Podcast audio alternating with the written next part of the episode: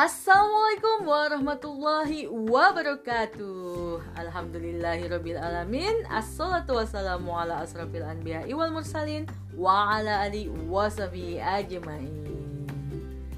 Halo halo halo teman-teman semuanya. Apa kabar? Insya Allah selalu sehat ya Masya Allah. Dan selalu dalam perlindungan Allah subhanahu wa ta'ala Juga semakin semangat dalam menuntut ilmu. Amin Well teman-teman, seperti biasa bertemu lagi bersama aku Mumu Rahadi dalam acara Ngehits Ngehitsnya Koma edisi 23 Senin 16 November 2020 Seperti biasa aku bawa sebuah tema baru untuk kalian yaitu Media Offside. What what what? Apa itu media offside? Tunggu dulu. Sebelum itu aku akan kasih kamu sebuah nasyid. Stay tune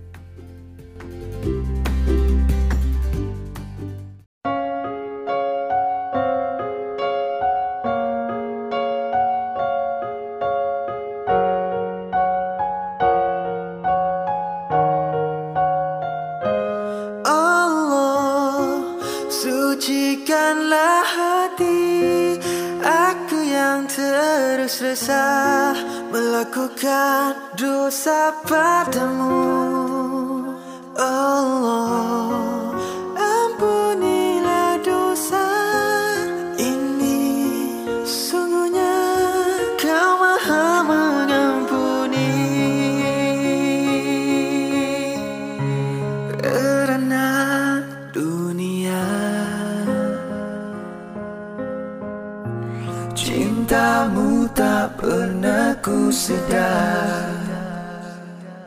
Tertipu dengan diri.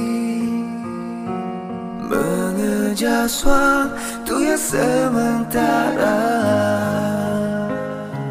Karena cinta manusia Hatiku buta. Kasihmu aku dustai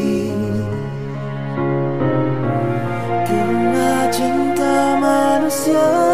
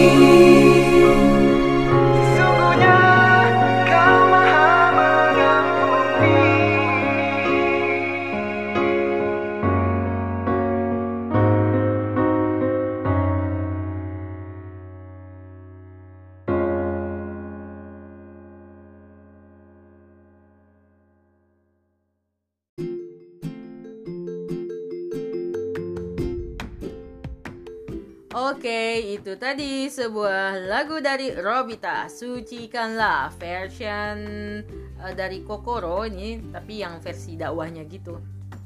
Well teman-teman, balik lagi kepada tema kita yaitu media offside. Apa itu media offside? Seperti yang kita ketahui, offside itu maksudnya kalau di di dalam permainan bola itu berarti kan sebuah pelanggaran di mana posisi penyerang itu lebih di depan eh, atau lebih di belakang, lebih ke dekat gawang daripada posisi eh, yang bertahan. Nah itu kan nggak boleh itu makanya jadi offside gitu.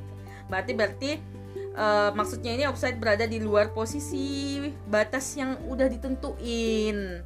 Nah, kok jadi media offside? Apa hubungannya sama bola? Nggak ada, nggak ada teman-teman, nggak ada hubungannya sama bola. Tapi yang akan kita bahas adalah gimana pengguna media itu kadang-kadang atau seringnya sekarang ini kebablasan dalam menggunakan sosial media. Di mana kode etik kode etik tertentu atau malah syariat yang seharusnya tidak boleh dilakukan mereka mereka lakukan. Nah, itu yang jadinya bablas gitu. Terus ide ini datang dari mana? Ya? Ide ini datangnya sekitar beberapa hari yang lalu atau seminggu lalu di mana Twitter, jagat Twitter itu dihebohkan dengan hashtag sesuatu lah gitu kan yang isinya eh, tentang kasus video shoot seorang artis. Ya wajar ya. Eh, wajar nggak wajar ding. Ya maksudnya ini viral karena memang itu artis. Jadi ya banyak lah yang momen yang hashtagnya dan sebagainya gitu.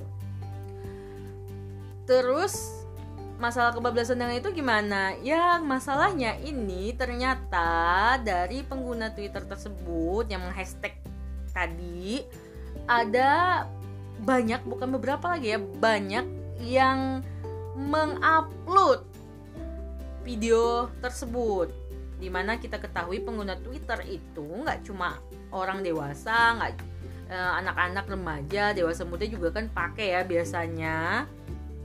Terus apakah dengan dalih dewasa gitu kamu boleh melihat hal yang seperti itu? Tolong ini kita harus pahami nih harus kita filter. Nggak seperti Pak Menteri yang kemarin bilang nggak apa-apa lah nonton kayak gitu kan udah dewasa. Nggak nggak. Kita harus paham bahwa dalam Islam itu ada filter filter yang nggak boleh kita lewati. Nggak boleh kita keluar batas. Nah kok ini bisa terjadi? Bisa aja teman-teman. Gimana nggak bisa? Pada dasarnya basic kita itu mungkin imannya lemah gitu kan? Akhirnya kebablasan kebablasan ter- tersebut berulang. Lah kok ini aplikasinya nggak nge itu sih nggak ngefilter? Nah bisa gitu. Ya gimana lagi aplikasi ini? Kan buatan siapa? Media siapa terus kok orang-orang yang upload kok nggak nggak tahu diri gitu ya nggak tahu kode etik dalam menggunakan sosial media atau media massa. Ya pada dasarnya mereka juga bukan jurnalis kan. Kalau jurnalis ada kode etiknya. Cuman kalau orang awam yang make ya gitu deh. Apalagi mereka juga nggak punya filter agama. Di mana mungkin mereka memang KTP-nya Islam tapi wallahualam bisa- wallahualam bisawab belum tentu ya. Pemikirannya Islam juga seperti yang kita paham ini nih pemikiran-pemikiran liberal pada saat ini luar biasa. Merusak pemikiran-pemikiran anak bangsa.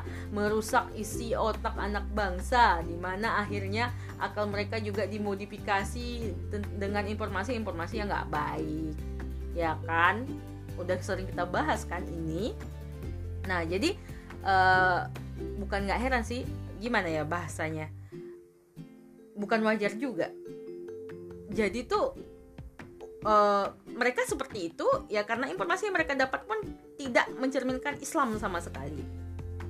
Gawat nggak? Gawat. Makanya kayak ke- kebahasan kita minggu lalu makanya kalian sebagai remaja atau dewasa muda harus paham tentang politik terutama politik Islam sebab ini akan berpengaruh pada kehidupan kita. Karena politik nggak cuma tentang pemerintahan tapi tentang hal-hal seperti ini juga isu-isu terkini dan sebagainya.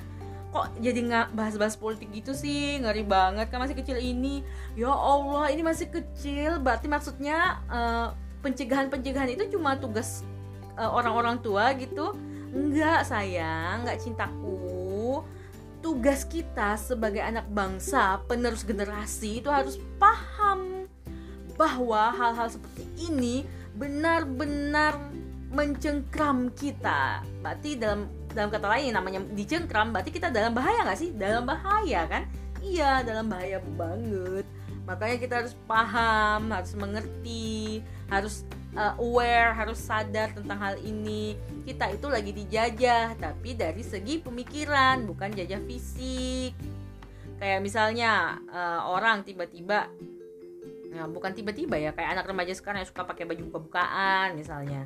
Nah, itu dari mana tuh kalau bukan jajahan pemikiran? Ya kan jajahan pemikiran karena dalam Islam baju buka-bukaan itu nggak boleh di depan orang. Yalah, aurat kalian terbuka kelihatan jadinya, ya kan?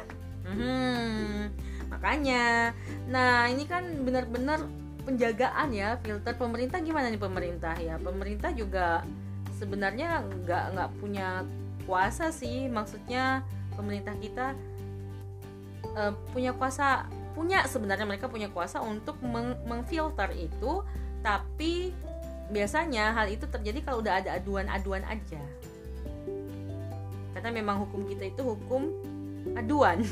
Maksudnya kalau ada yang mengadu baru diproses gitu. Jadi sulit sulit. Otomatis yang harus bisa memfilter dirinya terlebih dahulu adalah diri kita sendiri. Nah ini media offside ini kembali lagi terjadi apabila kita nggak punya filter itu.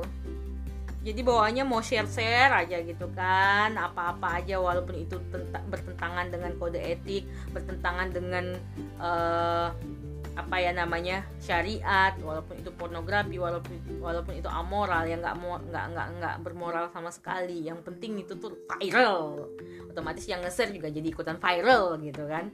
Niatnya apa? Viral. Duh sedih kan, sedih banget deh ya Allah. Nauzubillahiminjalik Semoga kita bukan termasuk dari mereka-mereka ya teman-teman. Sebenarnya penggunaan media ini mubah teman-teman. Malah bagus banget. Kalau misalnya uh, dimanfaatkan dengan baik. Karena media massa secara keseluruhan dalam Islam itu adalah mercusuar negara loh. Di mana itu Eh, media massa itu fungsinya untuk menyebarluaskan dakwah, menebar risalah Islam yang rahmatan lil alamin sehingga mempermudah gitu kan tersebarnya ke seluruh negeri, seluruh dunia malah. Dan juga sebagai komunikasi antar negeri-negeri muslim lainnya.